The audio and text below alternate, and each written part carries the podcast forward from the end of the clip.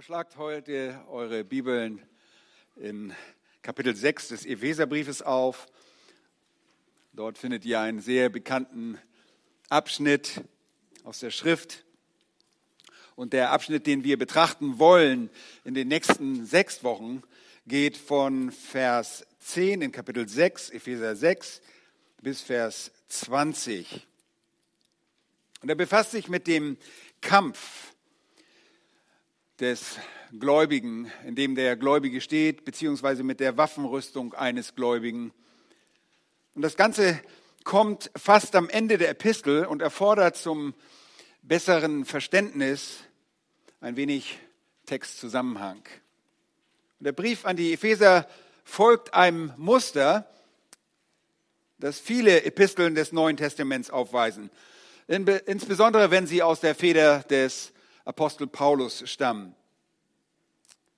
In den ersten Kapitel 1 und 2 und in diesem Fall wird unsere Stellung dort in diesen Anfängen äh, in Christus identifiziert. In diesen Kapiteln geht es um biblische Lehre und es wird uns gezeigt, was es bedeutet, ein Christ zu sein. Lasst uns noch den Herrn um seine Hilfe bitten für diesen Gottesdienst. Herr, wir beten Rede du zu unseren Herzen. Zeig du uns, wie wichtig dieser Text für unser Glaubensleben ist.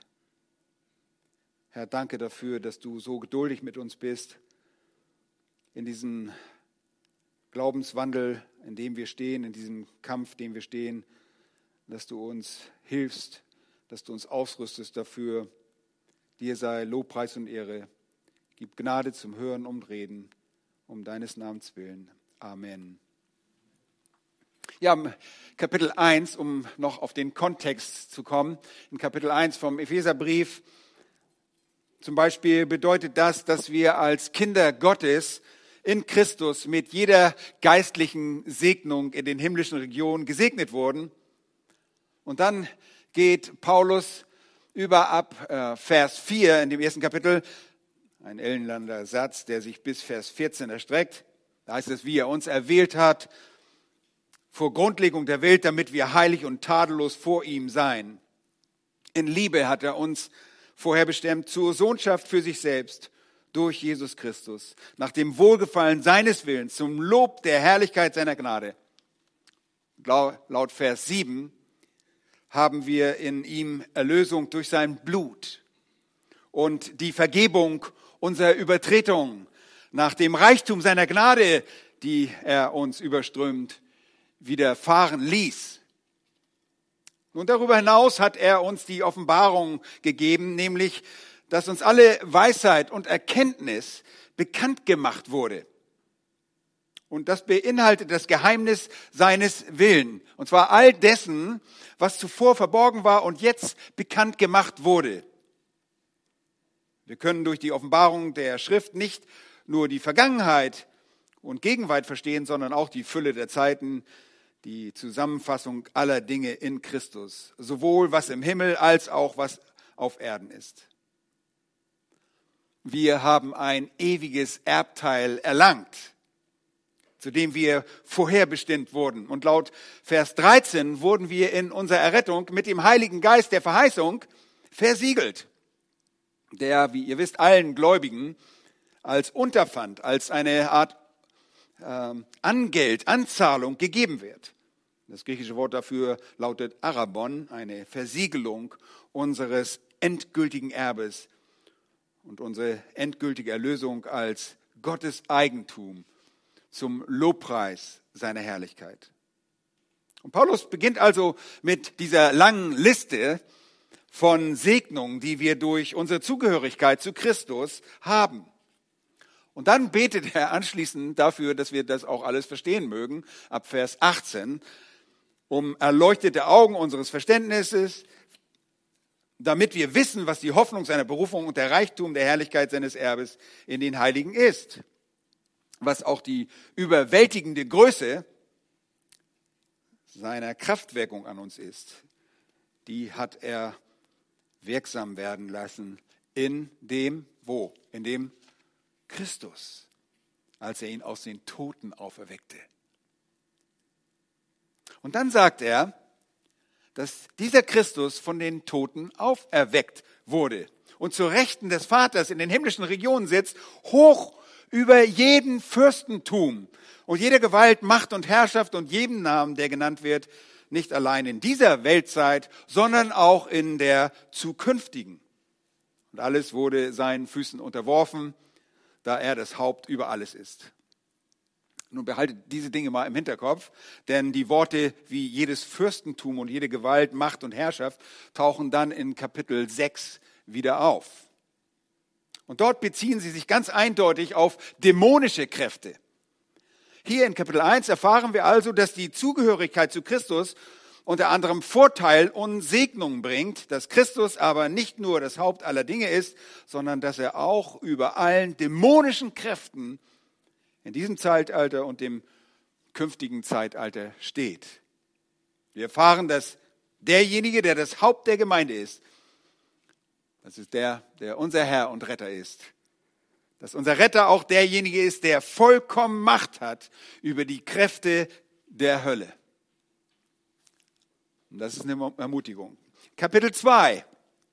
Dann beschreibt er weiter dieses wunderbare Geschenk der Erlösung, indem wir daran erinnert werden, dass wir durch unsere Übertretung und Sünden zwar tot waren, aber lebendig gemacht wurden. Vers 5. Wir wurden mit Christus lebendig gemacht und zwar aus Gnade auferweckt mit ihm und mit ihm versetzt in die himmlischen Regionen in Christus Jesus. Und das, ihr Lieben, mit der Aussicht darauf, dass er in den kommenden Weltzeiten den überschwänglichen Reichtum seiner Gnade in Güte an uns in Christus Jesus erweisen wird. In diesen Kapiteln werden alle Segnungen definiert. Und wir sind seine Schöpfung, diesen Vers kennen wir, 2 Vers 10. Wir wurden in Christus Jesus erschaffen zu guten Werken, dass wir darin wandeln sollen. Das Ergebnis und der Zweck unserer Erlösung sind, die er zuvor bereitet hat, nämlich in diesen Werken, die er zuvor bereitet hat, dass wir darin wandeln sollen. Einst waren wir von diesem Zweck völlig abgetrennt und hatten keinen Teil daran. Wir haben für uns selbst gelebt, genau wie einst alle Juden und die Heiden. Und so endet Kapitel 2. Und dann kommen wir zu Kapitel 3.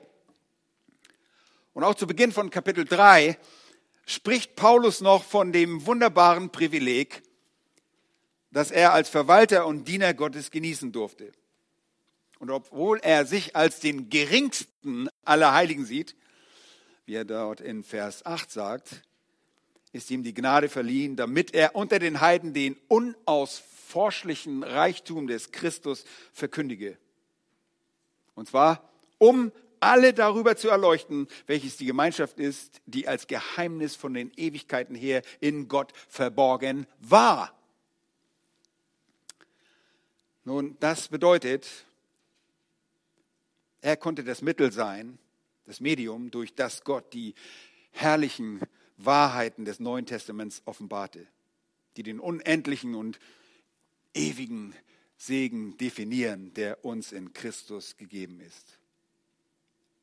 Diese Kapitel befassen sich also alle damit, dass wir durch unsere Zugehörigkeit zu Christus diese Segnung unser eigen nennen können. Das spricht von uns, den Gläubigen. Und aus dem Reichtum seiner Herrlichkeit wurde uns alles gewährt, was wir brauchen. Alles, komplett alles. Und das dritte Kapitel schließt dann mit einer großartigen Verherrlichung Gottes ab. Dem aber, der weit über die Maßen mehr zu tun vermag, als wir bitten oder verstehen, gemäß der Kraft, die in uns wirkt. Ihm sei die Ehre, alles verschleiert noch, ah, gut. Ihm sei die Ehre in der Gemeinde in Christus Jesus auf alle Geschlechter der Ewigkeit der Ewigkeiten. Amen.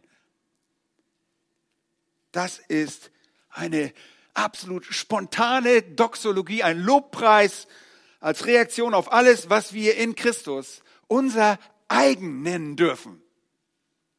Und dann gibt es in Kapitel 4 dieses so typische, Schlachter 2000 sagt es so, oder deshalb.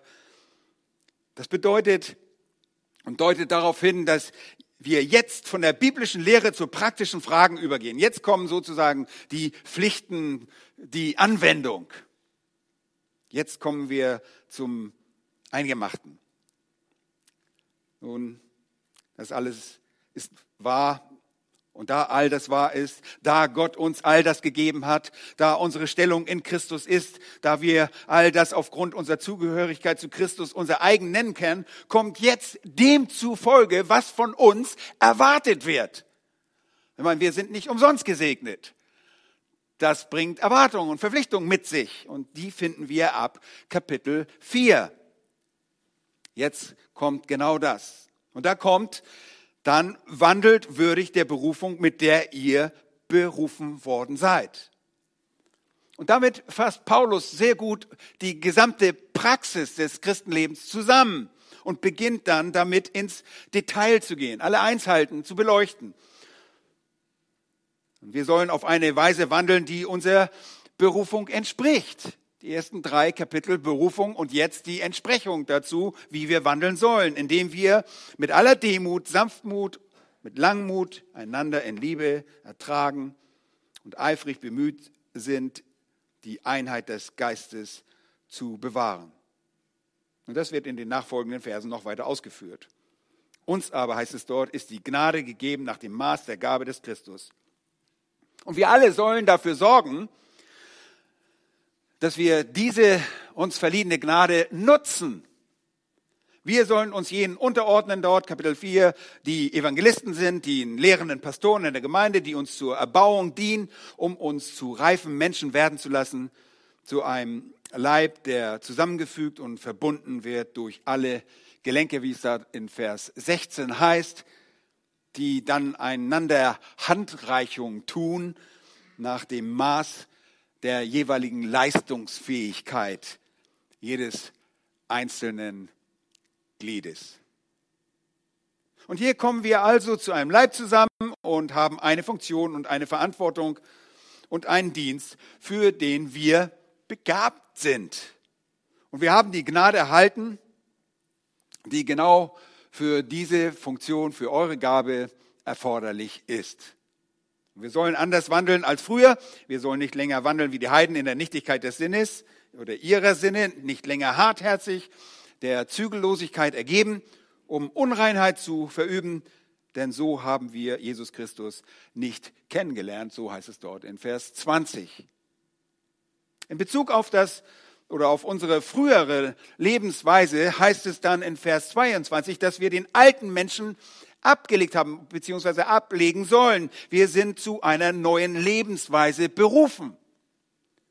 Um dieses Leben zu führen, sagt Vers 23, müssen wir im Geist unserer Gesinnung erneuert werden.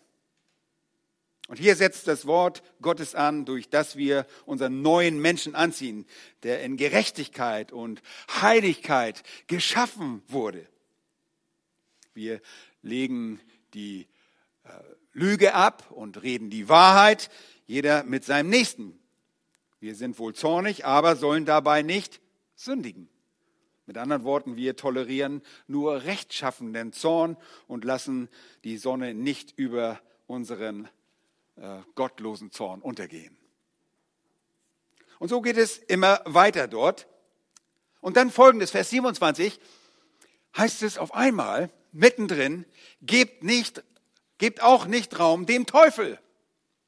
Gebt auch nicht Raum dem Teufel. Hier wird davon ausgegangen, dass jede dieser genannten sündigen Verhaltensweise dem Teufel Raum gibt. Einschließlich derjenigen, die danach noch aufgelistet werden. Heißt es, stehlt nicht mehr, sondern arbeitet, arbeitet mit euren eigenen Händen, tut etwas Gutes, damit ihr nicht nur eure eigenen Bedürfnisse stillen könnt, sondern damit ihr auch anderen mitzuteilen wisst und Bedürftigen etwas zu geben habt. Lasst kein schlechtes Wort mehr aus eurem Mund kommen, sondern was gut ist zur Erbauung, wo es nötig ist, damit es den Hörern Gnade bringe. Und dann heißt es, betrübt den Heiligen Geist nicht. Und das heißt, tut nichts, was dem Heiligen Geist Kummer zufügen würde, denn jede unheilige Handlung würde genau das tun. Legt alle Bitterkeit und Wut und Zorn und Geschrei und Lästerung ab. Sie seien von euch weggetan, samt aller Bosheit. Und das ist das Wort Niedertracht oder eben Bosheit in der Schlachter. Nun, hier finden wir dann auch unsere positiven oder positive und gute Verhaltensweise.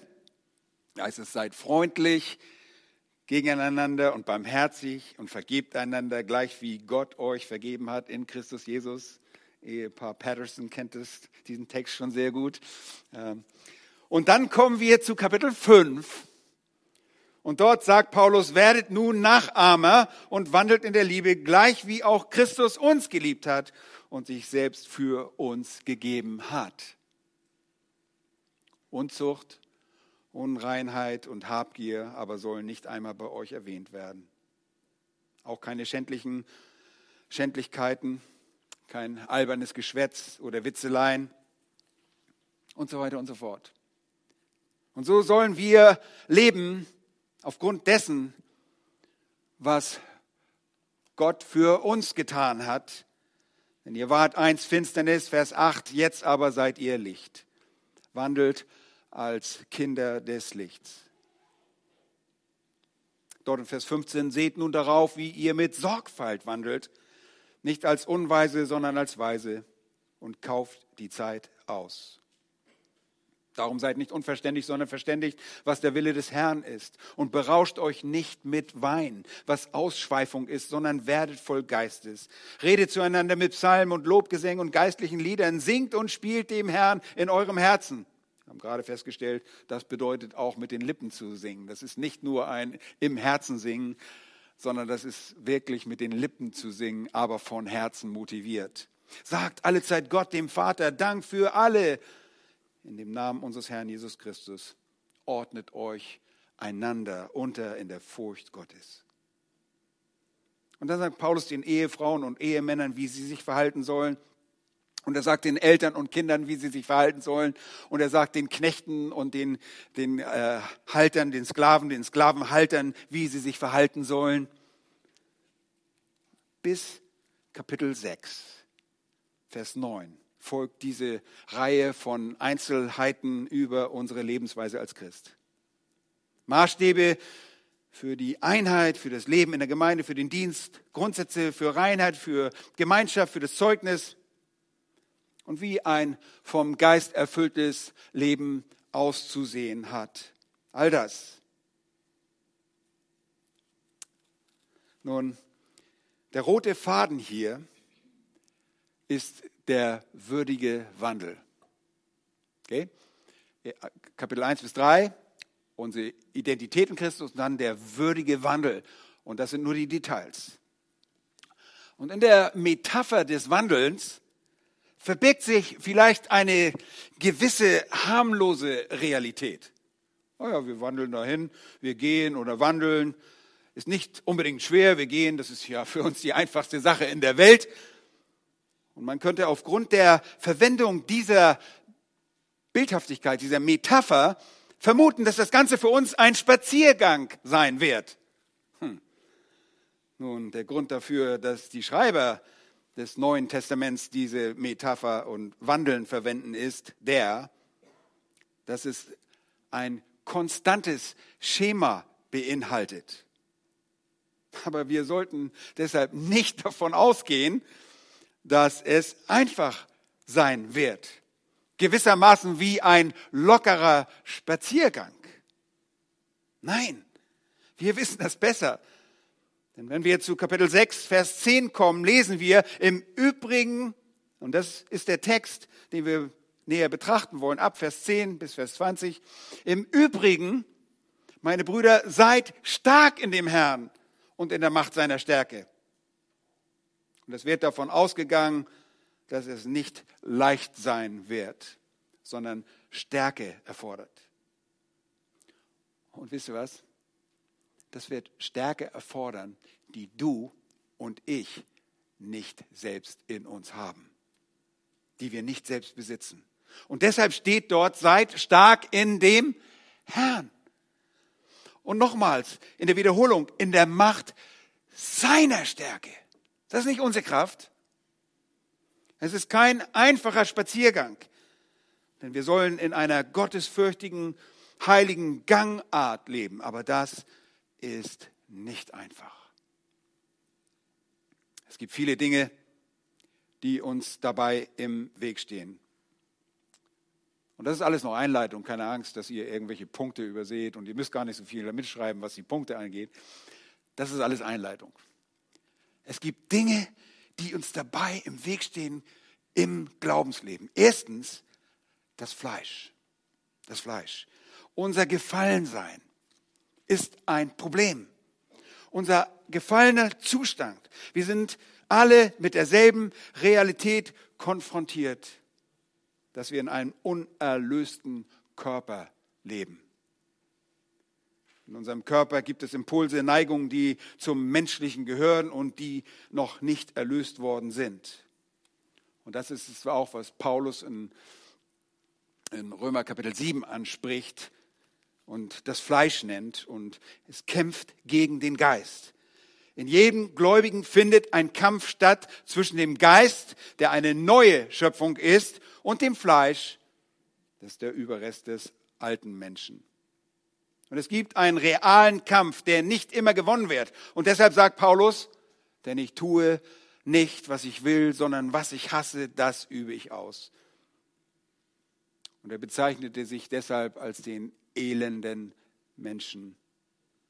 Er beschreibt diesen Zustand als sei ein, ja, ein Leichnam an einen gefesselt, von dem man sich nicht zu lösen vermag. Und später in Galater Kapitel 5 und dort in Vers 17 erfahren wir über diesen Konflikt. Da heißt es, denn das Fleisch gelüstet gegen den Geist und der Geist gegen das Fleisch und diese widerstreben einander, so dass ihr nicht das tut, was ihr wollt. Unser christliches Leben in der Realität so zu führen, wie wir es tun sollen, würdig zu wandeln, ihr Lieben, ist überhaupt nicht einfach. Es ist nicht so einfach, weil unser, unser, unser unerlöstes Fleisch uns oft im Weg steht. Und was sind die Kennzeichen des Fleisches? Auch das kennt ihr schon aus dem Galaterbrief, Kapitel 5, Vers 19. Offenbar sind die Werke des Fleisches, welche sind was? Ehebruch, Unzucht, Unreinheit, Zügellosigkeit, Götzendienst, Zauberei, Feindschaft, Streit, Eifersucht, Zorn, Selbstsucht, Zwietracht, Verteilung, Neid, Mord, Trunkenheit, Gelage und dergleichen. Das ist also keine vollständige Liste, wenn er sagt und dergleichen, sondern lediglich eine Auswahl der Dinge, die von Menschen gelebt und getan werden, wenn sie nicht zum Reich Gottes gehören. Vers 21. Die Menschen, die diese Dinge kontinuierlich tun, ununterbrochen, ohne sich zu reinigen, wie Christen es tun, werden das Reich Gottes nicht erben. Und die Frucht des Geistes hingegen, kennt ihr auch, ist Liebe, Freude, Friede, Langmut, Freundlichkeit, Güte, Treue, Sanftmut und Selbstbeherrschung. Gegen solche Dinge gibt es kein Gesetz und darin besteht der richtige Kampf. Und der Geist lenkt uns in die Richtung dessen, was heilig ist. Das Fleisch lenkt uns in die Richtung dessen, was unheilig ist. Das Fleisch lenkt uns in die Richtung dessen, was uns von Gott wegbringt. Und deshalb ist es ein Kampf, weil wir bei Gott sein wollen. Und der Kampf findet also in diesem Sinne nicht um uns herum statt, sondern wo? In uns. Nicht um uns herum, sondern in uns. Er findet in uns statt. Und auch wir können vom Fleisch gefangen genommen werden und in diesen Werken als Christen wandeln. Es soll aber nicht so sein. Und es nützt dabei auch nichts, wenn wir es den mittelalterlichen Mönchen gleich tun, uns irgendwo zurückziehen und äh, meinen, wir könnten uns von den bösen Einflüssen dieser Welt separieren und in irgendein Kloster zurück auf einen Berg gehen, damit wir dort irgendwie abgesondert von der Sünde leben. Ihr Lieben, das klappt nicht. Warum? weil die Sünde in uns ist und wir nehmen die Sünde dahin, wo wir hingehen.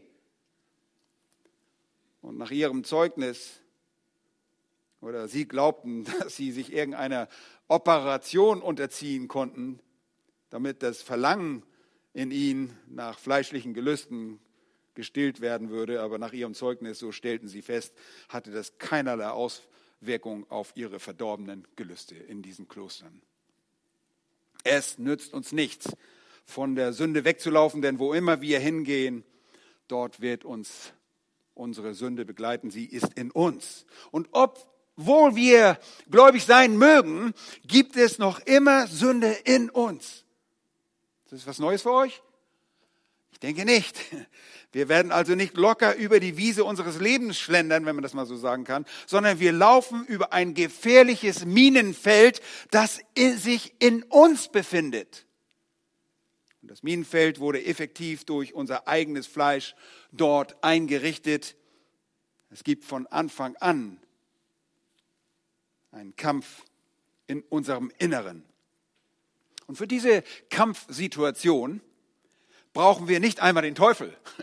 Der, den brauchen wir nicht. Unser Fleisch ist so verdorben, unser Gefallensein ist ausreichend und anfällig und böse genug, dass wir den Teufel nicht mal brauchen dafür. Nun, wenn wir nun die Gegenwart des Teufels noch dazu hinzufügen, zu unserem Verderbtheit des Fleisches, dann könnt ihr euch vorstellen, dass der Kampf umso bitterer ist. Wenn wir das nochmals in Epheser 4, 27 ansehen, dann sagt Paulus dort mittendrin, wir sollen würdig wandeln und dem Teufel keinen Raum geben. Wenn wir in irgendeines der dort als sündhaft beschriebenen Verhaltensmuster verfallen, geben wir dem Teufel Raum. Kennt ihr das? Oh ja, ihr kennt es. Und ich kenne das. Und so haben wir einen Feind, der in uns ist und einen Feind, der um uns herum ist. Und das muss uns bewusst sein. Oftmals war mir diese Gefahr in meinem eigenen Leben nicht bewusst. Nämlich immer dann, wenn ich sündige. Wenn ich nicht vorbereitet war. Als der Apostel Paulus zum Ende des Epheserbriefes kommt, indem er uns auffordert, auf bestimmte Weise zu wandeln und unser geistiges Leben auf bestimmte Weise zu führen, erinnert er uns daran, dass wir einen überaus aggressiven und respekteinflößenden Feind haben, nämlich Satan. Und er sagt dort in Kapitel 6, seid stark in dem Herrn und in der Macht seiner Stärke, zieht die ganze Waffenrüstung Gottes an, damit ihr standhalten könnt gegenüber den listigen Kunstgriffen des Teufels. Denn unser Kampf richtet sich nicht gegen Fleisch und Blut, sondern gegen die Herrschaften, gegen die Gewalten, gegen die Weltbeherrscher der Finsternis dieser Weltzeit, gegen die geistlichen Mächte der Bosheit in den himmlischen Regionen. Lieben, das ist eine sehr ernste Angelegenheit. Es gibt menschliche Feinde, aber hinter ihnen verbirgt sich etwas übernatürliches Böses. Und wisst ihr, bevor wir zu Christus kamen, und das gilt für die Epheser ebenso wie für jeden anderen, waren wir im Reich der Finsternis verhaftet, zu dem wir alle gehörten und wir unterstanden der Macht und Autorität des Prinzen, der in der Luft herrscht, dem Herrscher dieser Welt, Satan.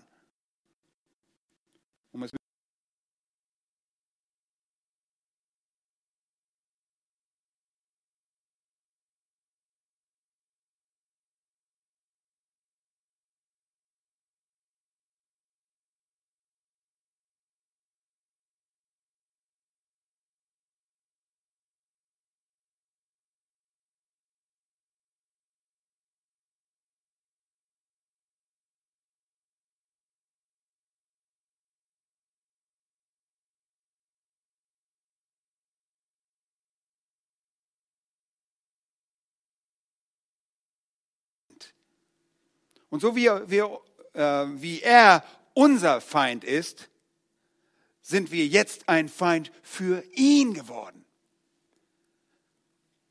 Und zwar nur aufgrund der Tatsache, weil wir zu Christus gehören.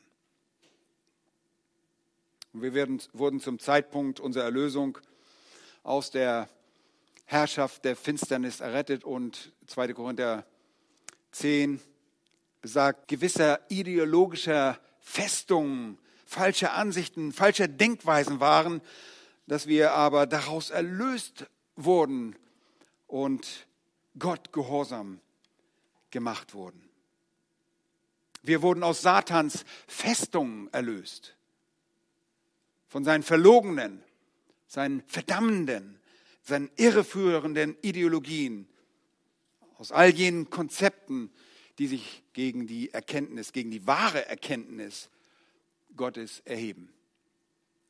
Nun, Satan nimmt das nicht leicht. Er nimmt es überhaupt nicht leicht, denn Christus entriss uns sozusagen sein Fängen. Wir sind wie Zweige, die einem Feuer entrissen wurden, um es mit den Worten von Jakobus zu, äh, Judas zu sagen vielmehr. Und jetzt, da es so ist, wendet Satan wirklich alle Kräfte auf und die ganzen Kräfte der Hölle gegen uns auf, um das Werk Christi durch uns und in uns zunichte zu machen. Und so haben wir einen Feind, der in uns ist und einen Feind, einen schrecklichen Feind, der um uns herum ist. Wir gehen, wie gehen wir nun mit dem Feind in uns um? Wenn wir einen innen haben und einen außen, fragen wir uns zunächst, wie gehen wir mit dem Feind in uns um? Und die Antwort lautet Galater 5, wandelt im Geist. So werdet ihr die Last, äh, die Lust des Fleisches nicht vollbringen.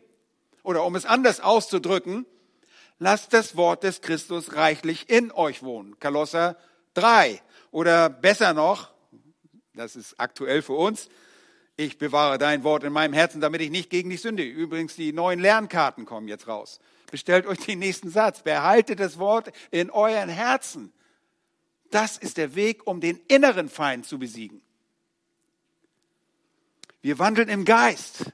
Die Frucht des Geistes ist übrigens das Thema von den Karten. Bestellt sie jetzt. Ja, mal ein bisschen hier Werbung machen. Und das bedeutet, in den Dingen zu wandeln, die den, der Geist Gottes bestätigt und der Geist Gottes liebt. Es sind die Dinge, die in der Schrift als heilige Einstellung und heilige Gedanken und heilige Worte, heiliges Verhalten offenbart werden. Aber was machen wir dabei mit dem Feind, der außerhalb von uns ist. Also innerlich, okay, aber außerhalb? Wie können wir dieses übernatürliche, gewaltige Böse bewältigen? Und wenn wir das uns noch ein bisschen auf, der, äh, auf einer kosmischen Ebene vorstellen, dann so. Wir leben in einem unendlichen äh, Universum.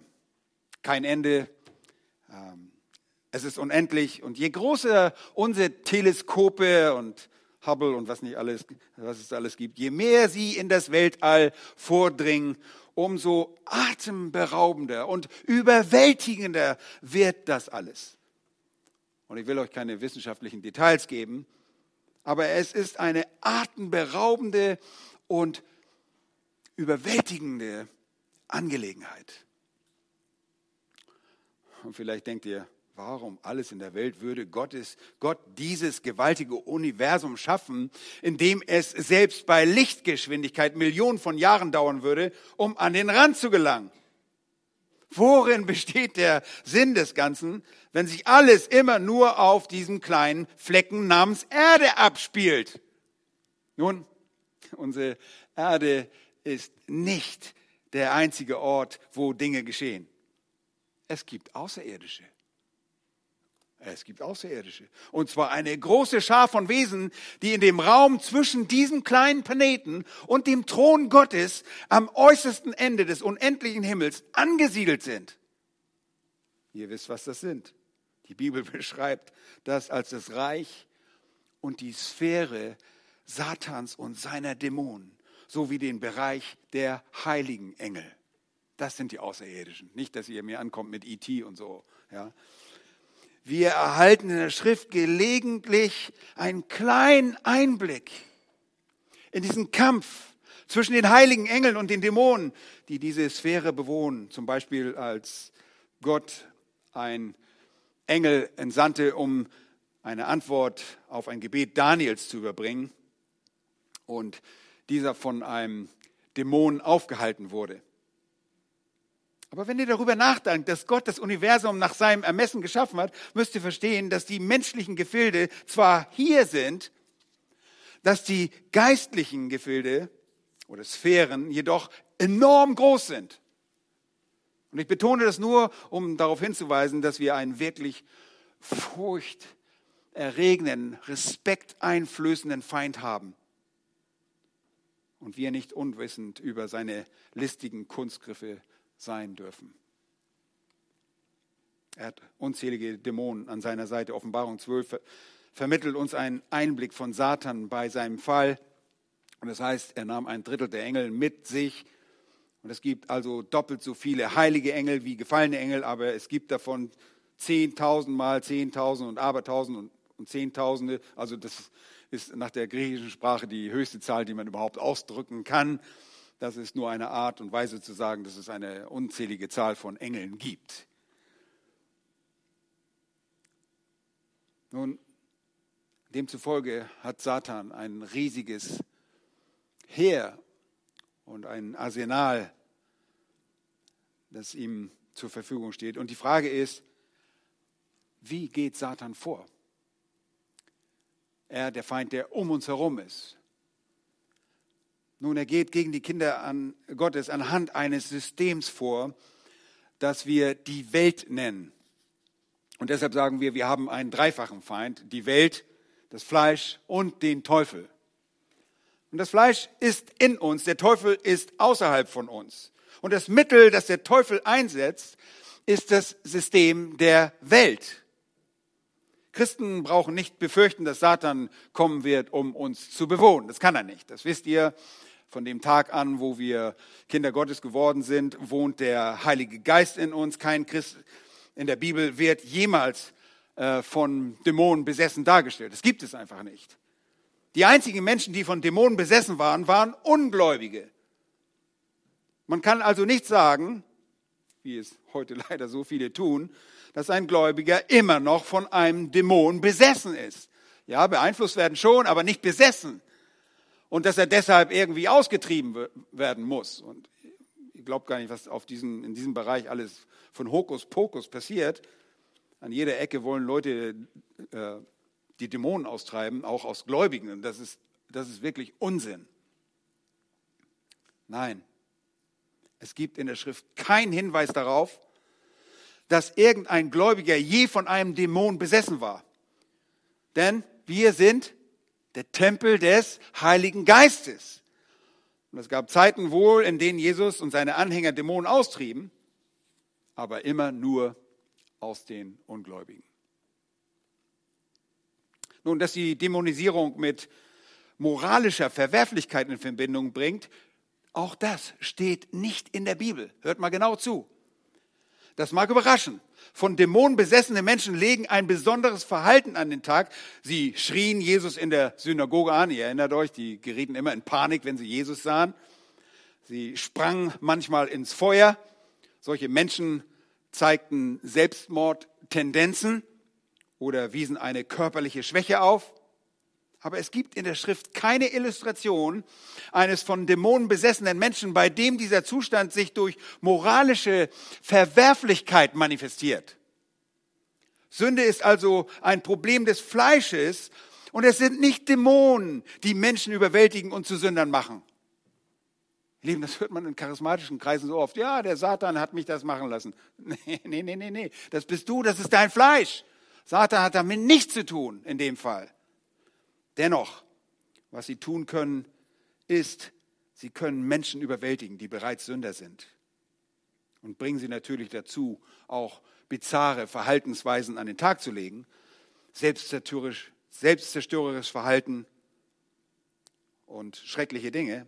Aber was uns Christen angeht, und das sollte uns ermutigen, kein Dämon kann Einzug in einen Gläubigen halten, denn in uns wohnt der Geist Gottes. Preis den Herrn. Nun, was haben wir denn überhaupt von Satan und den Dämonen zu befürchten? Nun, sie dominieren die Welt auf folgende Weise. Sie besitzen die nicht wiedergeborenen Menschen dieser Welt und die nicht wiedergeborenen Menschen der Welt gehören dem Reich der Finsternis an. Sie unterstehen der Macht des Prinzen, der in der Luft herrscht, laut Epheser Kapitel 2. Eins sind wir auch auf dem Pfad dieser Welt gewandelt, auch im Einklang mit diesem Prinzen, der in der Luft herrscht, dem Geist, der in den, wie heißt es dort, den Söhnen des Ungehorsams wirkt. Nochmal, was ist die Welt? Wir reden hier nicht über den Plan Planeten Welt, sondern wir reden von dem Kosmos. Ist das nicht eins? Nein, Kosmos ist das Gegenteil von Chaos. Kosmos ist Ordnung. Und es gibt eine Ordnung auf der Welt und es gibt ein System auf der Welt, das von Satan kontrolliert wird. Und es ist sein sündhaftes System. Und in diesem System arbeiten Dämonen und dieses System bedient sich im Prinzip dämonischer Kräfte, die durch menschliche Stellvertreter, wir, sehen nicht hier irgendwelche Dämonen rumschweben, sondern das sind menschliche Vertreter, die von Dämonen beeinflusst werden und die für, in, von Dämonen beeinflusst sind. Und das ist es, womit wir auch als Gläubige konfrontiert werden.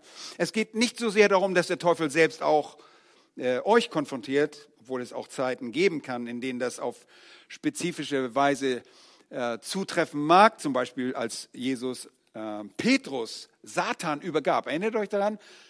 Er übergab ihn den Satan, um einen bestimmten Zweck in seinem Leben zu erfüllen oder als ein Botschafter Satans Paulus verfolgte und seinen Dienst dort in Korinth angriff. Und Paulus betete, dass sein Dorn im Fleisch beseitigt werden möge. Oder auch im Falle von Hiob, ihr erinnert euch, Hiob, als Gott ihm gestattete, Hiob zu versuchen. Und es mag jene Gelegenheiten geben, wo Satan oder ein Dämon für Gottes Zweck ein Mittel werden kann, ja, durch das Gott etwas in unserem Leben erreicht. Aber das bedeutet nicht, dass ein Dämon in einen Gläubigen Einzug erhalten wird. Aber es bedeutet, dass Gott es für seine Zwecke zulassen mag, dass Satan oder ein Dämon auf einen Gläubigen wirken, ganz wie es bei Paulus der Fall war, als er ähm, als die Gemeinde in Korinth gespalten wurde und Gott das auch zuließ. Paulus wiederum, weil er so viele Offenbarungen erhalten hatte, wurde ähm, dadurch bewusst gedemütigt. Könnt ihr euch vorstellen, du bist im dritten Himmel entrückt und du siehst da Dinge, unaussprechliche Dinge. Das kann einem zu Kopfe steigen, kann man hochmütig werden. Und so deshalb wurde Paulus gedemütigt durch einen Botschafter, einen Botschafter Satans. Nun, es mag also Zeiten geben, in denen Gott es Satan und auch den Dämonen erlaubt, gewisse Dinge in dem Reich zu tun, in dem seine Erlösten leben. Und das geschieht, um Gottes Ziele zu erreichen. Und Gott erlaubt Satan, Petrus in eine überaus schwierige Situation zu bringen, in der er letztlich den Herrn verleugnete, aber dann auch wiederhergestellt und zurückgewonnen wurde. Und das würde ihn durch diese Erfahrung in die Lage versetzen, die Brüder zu stärken, die eine ähnliche Situation durchleben würden. Gott ließ es zu, dass Satan Hiob attackieren konnte, damit er beweisen könne, dass rettender Glaube niemals zerbrechen kann. Und das ist wunderbar. Wie oft gehen wir selbst zu dem Buch Hiob und werden dadurch gestärkt und denken, Mann, mein Leid ist, mein Leid ist halb so wild. Aber unser Glaube wird nicht zerbrechen. Also Gott könnte gelegentlich Satan oder einen Dämon für seine eigenen Zwecke gestatten, gewisse Auswirkungen auf unser Leben zu haben. Und wir müssen uns äh, an eine Wahrheit erinnern, dass der Teufel letztlich Gottes Teufel ist. Gott besitzt den Teufel. Gott befehligt den Teufel. Gott setzt die Parameter fest, innerhalb derer der Satan und seine Dämonen arbeiten können. Und mit all dem will ich euch einfach sagen, dass es Situationen geben kann, wenn Gott es Dämonen gestattet, gewisse Dinge zu tun, die sich auf Gläubige auswirken. Nicht von innen, sondern von außen. Aber das Wichtigste, was wir verstehen müssen, ist, dass Satan gegen Gläubige vorgeht, indem er ein Weltsystem entwickelt, in dem Gläubige leben müssen und dass ihr Fleisch den Versuchungen aussetzt. Leute, das geht an uns nicht vorbei. Wir leben mittendrin. Und wir wünschen uns so sehr, dass wir in einer Welt leben könnten, die nicht feindlich ist. Und das wird es eines Tages geben, in dem Reich der Gerechtigkeit, im Friedensreich. Und so sagen Menschen hin und wieder, dass sie ihre Kinder vor bösen Einflüssen schützen wollen und völlig abschotten müssen. Am besten nur irgendwo einschließen, war, damit die ja nichts mit dem Bösen. Aber viel Spaß dabei. Das geht nicht. Das ist eine Unmöglichkeit, denn das Böse ist schon in euren Kindern drin. Böse Menschen werden es mit der Zeit immer schlimmer, werden immer schlimmer. Und durch gewisse Erweckungen gab es zwar hier und dort auch in unserem Land einen vorübergehenden, Auf, vorübergehenden Aufschub, weil das wahre Christentum unsere Kultur durch das Evangelium beeinflusst hat. Aber diese Zeiten sind wohl bei uns vorbei und sieht so aus, als wenn das auch in Amerika vorbei ist. Ja, die Gottlosigkeit nimmt dort rapide zu. Also es ist unglaublich. Ja, die amerikanischen Geschwister sind selbst überrascht, wie schnell Amerika gottlos wird. Nun, das, die Zeiten hier bei uns sind wohl vorbei. Seit langem ist das eigentlich vorbei. Wir leben jetzt in einer äh, Kultur, die dem Kosmos, den Satan und der gottlosen Menschen geschaffen hat, uneingeschränkt ausgesetzt ist. Und wir werden alle buchstäblich angegriffen, eingeengt und belagert, und zwar von diesem System, das in Wirklichkeit von Satan entworfen wurde und von Menschen eingesetzt wird. Und wir merken das, ist es nicht so. Das Profil dieses, System, dieses Systems ist ideologisch. Das Profil dieses Systems sieht so aus, dass Satan als Engel des Lichts erscheint und er tarnt sich als solcher Engel sowie auch seine Arbeiter. Und das funktioniert auch sehr gut, meistens in Religionen. Seine Diener sind Engel des Lichts und Paulus bezeichnet alle falschen Religionen als dämonische Lehren. Mit anderen Worten, jede falsche Religion wurde von Satan als Teil seines äh, Systems ausgeheckt, ausgedacht, um Menschen religiös zu täuschen. Und das sind dann Lehren von Dämonen, die nach Aussage von Paulus im 1. Timotheus Kapitel 4 durch die Heuchelei von Lügenrednern verbreitet werden. Das ist das Profil von Satans Bemühungen in der Welt, weil der Mensch von Natur aus religiös ist. Das bedeutet, sein Gewissen und seine Seele führen ihn zu Gott. Das Gewissen durch die moralischen Gesetze, die in seinem Herzen verankert sind, im Innern. Dieser innere Gerichtshof, Forum und Ternum, dieses Gewissen, das Gott dem Menschen gegeben hat. Und die Seele durch die Realität von Ursache und Wirkung. Und das ist die natürlichste Sache für einen Menschen zu verstehen. Das ist, weil er ein moralisches Gesetz hat, dass es jemanden geben muss, der dieses moralische Gesetz gegeben hat. Er versteht, dass nichts existieren kann, ohne dass es eine Ursache hat. Hier gibt es eine großartige Ursache, die auch moralisch ist. Und das ist äh, inhärent im Verständnis des Menschen, im ähm, Verständnis des Menschen innewohnt sozusagen. Satan weiß von diesem Gottesbewusstsein der Menschen. Er weiß genau darum. Und deshalb liebt Satan alle Religionen. Je mehr, desto besser. Also leitet er dieses Verständnis vom wahren Gott auf eine, an, eine endlose Ansammlung religiöser Systeme, um deren Urheber er selbst ist. Und alle diese Systeme haben eins gemeinsam. Sie sagen dem Menschen, dass er sich seine Errettung und eine richtige Beziehung zu Gott, was kann, verdienen kann. Das ist Religion. Das kommt aus Satans Herzen. Du kannst dir dein Heil verdienen. Einige Systeme davon, einige Systeme davon sind unmoralisch, einige sind moralisch sogar, quer durchs Beet. Für jeden hat Satan etwas dabei.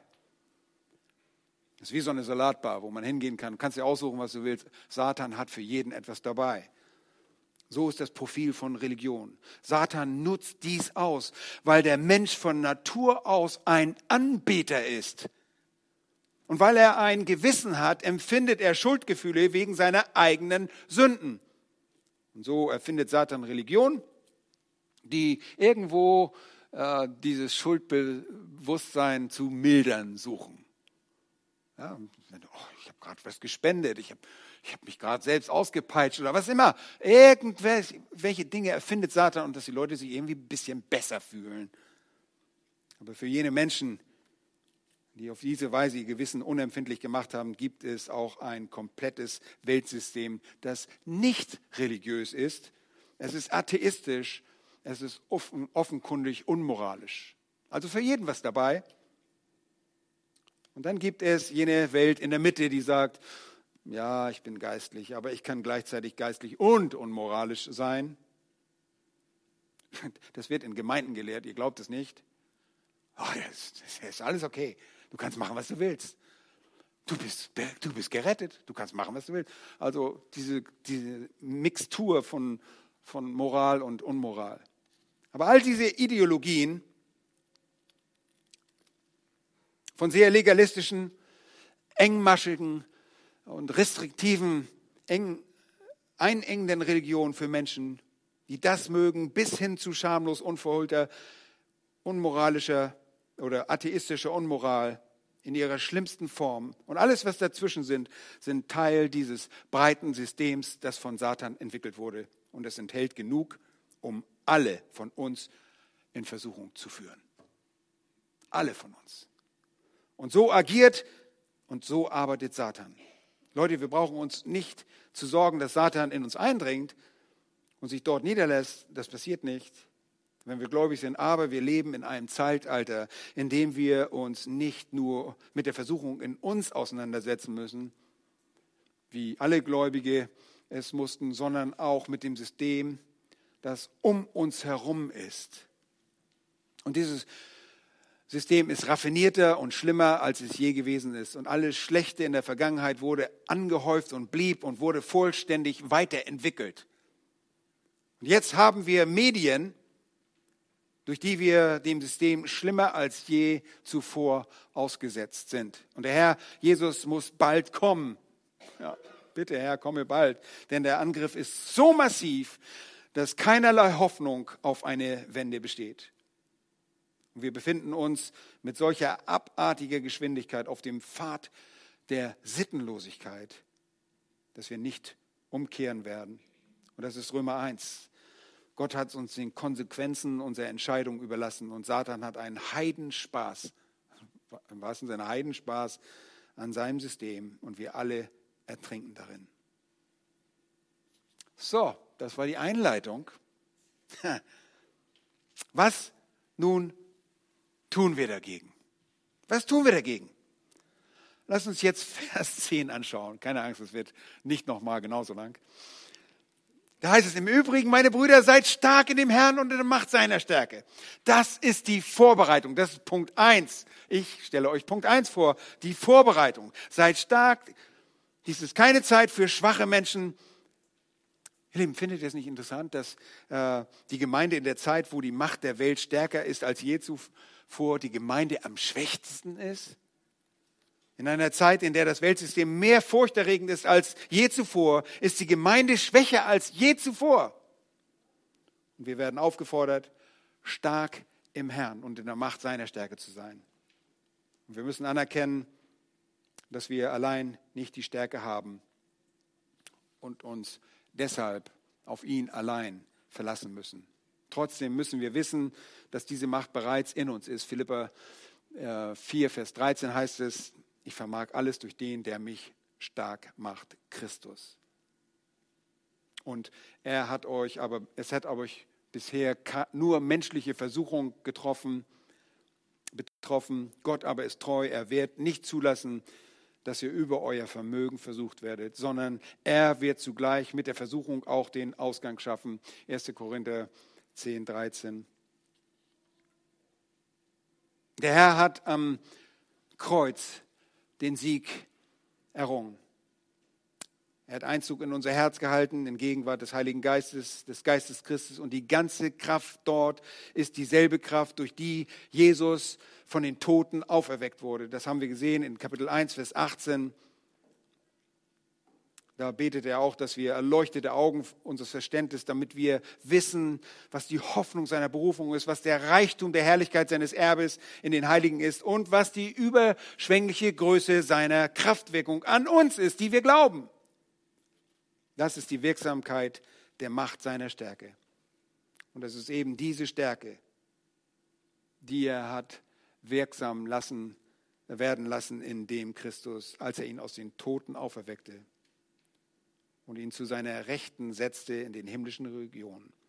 Es ist diese Kraft, durch die Christus von den Toten auferweckt wurde. Es ist dieselbe Kraft, die ihn zur Rechten erhob. Es ist dieselbe Kraft, die er über jedes Fürstentum und jede Gewalt, Macht, Herrschaft und jeden Namen, der genannt wird, ausübt. Und diese Kraft hat ihn veranlasst, alle Dinge seinen Füßen zu unterwerfen, hat ihn als Haupt über die Gemeinde gegeben, die sein Leib ist. Und die Gemeinde als sein Leib, eine wunderbare Stelle, ist die Fülle dessen, der alles in allem erfüllt. Wir sind die Fülle Christi. Und wir haben die Fülle Christi hier und deshalb haben wir die Fülle seiner Auferstehungskraft. Und im dritten Kapitel betet Paulus ebenfalls, dass wir das verstehen mögen. Leute, wir müssen diese Dinge, diese geistlichen Wahrheiten verstehen. Kapitel 3, Abvers 14, deshalb beuge ich meine Knie vor dem Vater. Paulus sagt, er beugt seine Knie, von dem jedes Geschlecht im Himmel und auf Erden den Namen erhält dass er euch nach dem Reichtum seiner Herrlichkeit gebe, durch seinen Geist mit Kraft gestärkt zu werden am inneren Menschen. Vers 20, dem aber der weit über die Maßen mehr zu tun vermag, als wir bitten oder verstehen, gemäß der Kraft, die in uns wirkt. Die Kraft ist also da. Es ist nicht so, als ob wir um Kraft flehen müssten. Christus ist da und mit Christi Gegenwart seine Fülle und mit seiner Fülle seine Kraft. Wir sind also stark. Die Kraft ist da. Alles, was wir brauchen, ist hier durch die Gegenwart unseres Herrn Jesus Christus. Also beginnen wir mit der Vorbereitung. Und die Vorbereitung besteht darin, dass wir auf die Kraft, auf die Stärke und die Hilfe Christi vertrauen müssen. Das ist die Vorbereitung. Zweitens, die zweite Sache, auf die wir in diesem Text gleich zu Anfang achten wollen, ist das Rüstzeug, beziehungsweise die Waffenrüstung. Ganz richtig. Verse 11 und 13. Und das zeigt, dass es unsere Hilfe beim Herrn liegt, denn es ist seine Waffenrüstung, es ist die Waffenrüstung Gottes. Die Waffenrüstung ist das Zweite, also nicht die Vorbereitung allein, sondern die Waffenrüstung. Zieht die ganze Waffenrüstung Gottes an heißt es in Vers 11. Wie macht man sich diese Stärke zu eigen? Hier ist der Schlüssel dazu, indem wir die ganze Waffenrüstung anziehen. Und das Bild ist wunderbar. Es ist so wunderbar. Du kannst nicht was auslassen. Wenn du was auslässt, bist du in Gefahr. Also die ganze Waffenrüstung. Und wir werden das Rüstzeug, die Waffenrüstung jetzt überspringen, auch wenn in Vers 13 nochmal steht, deshalb ergreift die ganze Waffenrüstung Gottes. Aber weil Paulus sie erst ab Vers 14 bis Vers 17 im Detail beschreibt, überspringen wir sie heute. Seid ihr froh? Und wir gucken uns die einzelnen Elemente dieser Waffenrüstung jeweils in unseren Gottesdiensten an. Wenn wir uns also dann mit der Waffenrüstung selbst im Detail befassen, werden wir sehen, welche Ausrüstung er uns, es uns ermöglicht, um die Stärke uns zunutze zu machen. Die Stärke ist da, sie ist an die Waffenrüstung gebunden und diese Waffenrüstung wird uns dann dort beschrieben. Okay, wir nehmen also die Vorbereitung und die Waffenrüstung zur Kenntnis und wenden uns drittens dem Feind zu. Der Feind. Wir haben schon einiges gehört, wir müssen unseren Feind verstehen. Vers 11 zieht die ganze Waffenrüstung Gottes an, damit ihr standhalten könnt gegenüber den listigen Kunstgriffen des Teufels. Und die listigen Kunstgriffe des Teufels, und wir brauchen nicht viel Zeit darauf verwenden, Satan zu definieren. Das tun wir in der Satanologie in einem Kurs separat. Wir wollen es damit bewenden lassen, dass die Schrift den Teufel sorgfältig und wiederholt beschreibt. Jesus glaubte an ihn, bezog sich auf ihn, sprach mit ihm, richtete über ihn. Die Apostel glaubten an ihn, so wie Paulus es hier offensichtlich tut, als er über ihn schreibt. Und der Teufel ist durch die ganze menschliche Geschichte hinweg aktiv. Er rebellierte gegen Gott im Himmel, laut Jesaja 14 und Hesekiel 28, wurde aus der Gegenwart Gottes verstoßen. Und als er auf die Erde kam, führte er Eva in 1. Mose 3 in Versuchung. In Matthäus 4 führte er Jesus in Versuchung. Und beobachten dabei, wie er das Wort Gottes verdreht. Er lehnt sich gegen Gottes Werk auf, wie wir es in Sacharja Kapitel 3 lesen. Er behindert Diener Gottes, nachzulesen in 2. Timotheus 2. Er kämpft gegen die Verkündigung des Evangeliums und tut dies auch, indem er den Verstand der Menschen verblendet, damit sie das Evangelium nicht erreicht. 2. Korinther 4. Er verwickelt die Bösen in seine Fallstricke, 1. Timotheus 3. Er täuscht die Nation, wie wir im Buch Daniel sehen, ebenso wie in Jesaja und Hesekiel und der Offenbarung Kapitel 16 und 20. Und er kämpft mit Michael, dem Erzengel. Das bedeutet, es gibt einen Konflikt zwischen dem Teufel und den heiligen Engel. Und er hat die ganze Welt in seinem Schoß, heißt es in 1. Johannes 5. Die ganze Welt liegt im Schoß des Bösen. Er steuert das ganze System und seine ganze Bosheit wird im Prinzip durch nicht wiedergeborene Menschen umgesetzt, die sein Reich ausmachen. Das ist das Weltsystem, das wiederum die Quelle der Versuchung ist, die für unser menschliches Fleisch von diesem sehr raffinierten System ausgeht. Und Satan ist eine Person, er ist der gesalbte Cherub, so wird er genannt. Er wird der Prinz der Welt genannt, er wird der Prinz, der in der Luft herrscht genannt, er wird der Gott dieses Zeitalters genannt, er wird der Oberste der Dämonen genannt, er hat persönliche Namen. 52 Mal wird er Satan genannt, was Widersacher bedeutet. 35 Mal wird er Teufel genannt, Diabolos, was Verleumder bedeutet. Und er wird als alte Schlange oder großer Drachen bezeichnet. In 1. Petrus Kapitel 5, Vers 8 wird er der brüllende Löwe bezeichnet, der umhergeht und sucht, wen er verschlingen kann. In Johannes 17, Vers 15 wird er als der Böse bezeichnet, intrinsisch böse, Poneros, und dann in Offenbarung Kapitel 9 wird er Abaddon oder Apollyon genannt. Das ist ein Zerstörer, Verderber. Und in Matthäus 4 wird er als Versucher bezeichnet. In Offenbarung 12 als Verkläger und Offenbarung 2 als Geist, der in den Söhnen des Ungehorsams wirkt. Er wird als Mörder und Lügner bezeichnet. Er arbeitet offen, ungeniert und heimlich. Er agiert offen in den anzüglichen, offenen Verderbtheit der Welt und er agiert heimlich in den falschen religiösen Systemen dieser Welt. Ihr Lieben, beide dieser Dinge unterstehen seiner Macht. Er wird religiös sein, wenn er religiös sein muss, und er wird unmoralisch sein, wenn er unmoralisch sein muss. Er wird unverhohlen, liederlich, böse und widerlich, wie es ihm gerade passt. Und er ist ein nicht zu unterschätzender Feind. Er ist derjenige, der einst Luzifer war, der große, der Sohn der Morgenröte, der gesalbte Cherub, ein gefallener Engel, Herrscher der Dämonenwelt. Und er übt seinen verachtungswürdigen Angriff auf das Reich Gottes aus und nutzt dazu Menschen, die ihm untertan sind. Ihr Lieben, wir dürfen nicht unwissend sein über seine listigen Kunstgriffe. Und der Begriff listige Kunstgriffe oder Elberfelder Listen kommt von einem Wert, das jemanden belauern oder sich an jemanden heranpirschen oder heranschleichen bedeutet. Es suggeriert eben jenen Löwen, der auf seine Beute lauert, der sie auflauert, wie wir in Petrus gelesen haben. Und er verwendet besondere Taktiken, Hinterlist, Täuschung, Geschick, Spitzfindigkeit. Und wir müssen uns bewusst sein, dass es sich um einen alt etablierten Feind handelt, der bereits seit der Schöpfung existiert. Satan lernt dazu. Und in 2. Korinther 2, Vers 11 lesen wir, seine Absichten sind uns nämlich nicht unbekannt. Und das ist unser Vorteil. Wir können die Absichten Satans erkennen. Und hier ist die gleiche Gedanke, wir dürfen nicht unwissend sein über seine Listen oder Absichten. Wir müssen sie verstehen.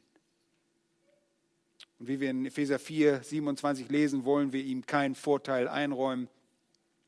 Wir müssen verstehen, dass das seine Aufgabe ist, falsche Lehre zu verbreiten. Und deshalb können wir auch nicht einfach jeden Anhänger jeder Religion mit offenen Armen begrüßen. Damit würden wir Satan Einlass gewähren. Nun, es dauert doch ein bisschen länger, als ich gedacht habe, aber wir machen das jetzt doch zu Ende. Es ist schwer, diese Einsicht zu vermitteln, wie gefährlich das ist. Es ist sehr schwer, diese Einsicht zu vermitteln. Und wir sind auch manchmal sehr schwer und behäbig dabei, das zu verstehen. Luther sprach häufig davon, dass der Teufel der Affe Gottes ist. Er äfft Gott nach. Und das gehört zu seiner Strategie. Sein System ist die Welt. Und deshalb hören wir von Jakobus, äh, dass er sagt, dass die Freundschaft mit der Welt Feindschaft mit Gott ist. Freundschaft mit der Welt ist Feindschaft mit Gott. Oder wir hören Johannes sagen, habt nicht lieb die Welt, noch was in der Welt ist, denn alles, was in der Welt ist, die Fleischeslust, die Augenlust, der Hochmut des Lebens, ist nicht von dem Vater, sondern von der Welt. Und die Welt vergeht. Falsche Religion, ketzerische Lehren, raffinierte Täuschung sowie unverhohlene Sittenlosigkeit gehören alle zu Satans Instrumentarium. mit all dem möchte er Gläubige und die Wahrheit angreifen und versuchen, das Werk Gottes zu behindern. Und er liebt es, jemanden das Wort zu entreißen. So wie bei dem Gleichnis von dem Seemann, wo der Same auf harten Boden fällt und der Teufel dieses Wort einfach wegschnappt. Er liebt es, das Wort zu verdrehen. Er liebt es, sich in das Leben der Gemeinde einzumischen. Er agiert auf so vielfältige Weisen. Und er liebt alle Arten von, von äh, verdrehter Theologie, falsche Theologie. Er ist der Erfinder solcher falschen Theologien, die Gläubige zu Zweifeln veranlassen.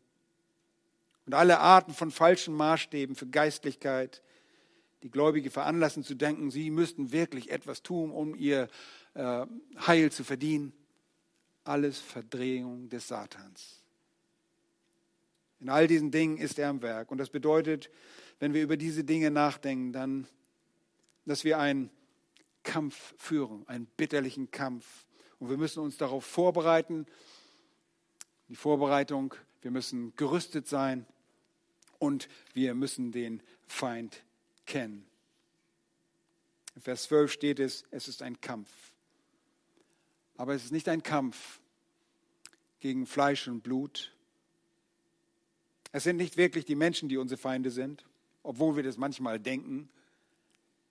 Nein, unser wahrer Feind ist viel mächtiger. Menschen sind einfach nur Betrogene. Wir kämpfen nicht gegen Fleisch und Blut, sondern gegen die Herrschaften, gegen die Gewalten, die Weltherrschaft dieser Finsternis, gegen die geistlichen Mächte der Bosheit in den himmlischen Regionen.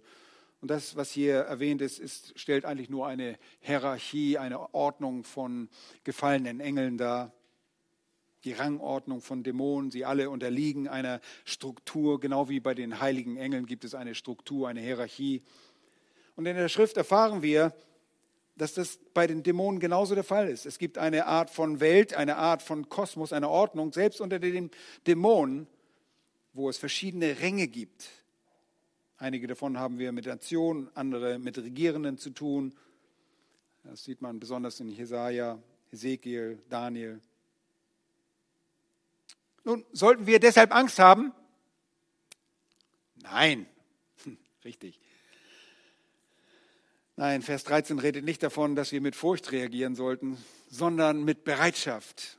Und hier sind unsere Anweisungen für den Kampf. Deshalb ergreift die ganze Waffenrüstung Gottes, damit ihr am bösen Tag widerstehen und nachdem ihr alles wohl ausgerichtet habt, euch behaupten könnt. Das sagt uns, dass ein Sieg möglich ist. Was ist dieser böse Tag? Der böse Tag ist jeder beliebige Tag, an dem Böses kommt. Der böse Tag könnte als eine Art Möglichkeit dienen, um dieses Weltzeitalter zu beschreiben. Der böse Tag wäre eine Möglichkeit, das Leben in dieser Welt zu beschreiben. Aber der böse Tag ist ein Tag, an dem wir vorbereitet sein müssen. Es ist der Tag des Bösen im Gegensatz zum Tag der Gerechtigkeit, der in Zukunft kommen wird. Wenn wir also im Zeitalter des Bösen leben und die Waffenrüstung Gottes anziehen, können wir widerstehen. Nun, wir wollen widerstehen und deshalb schauen wir uns beim nächsten Mal auch die ersten Elemente der Waffenrüstung Gottes an.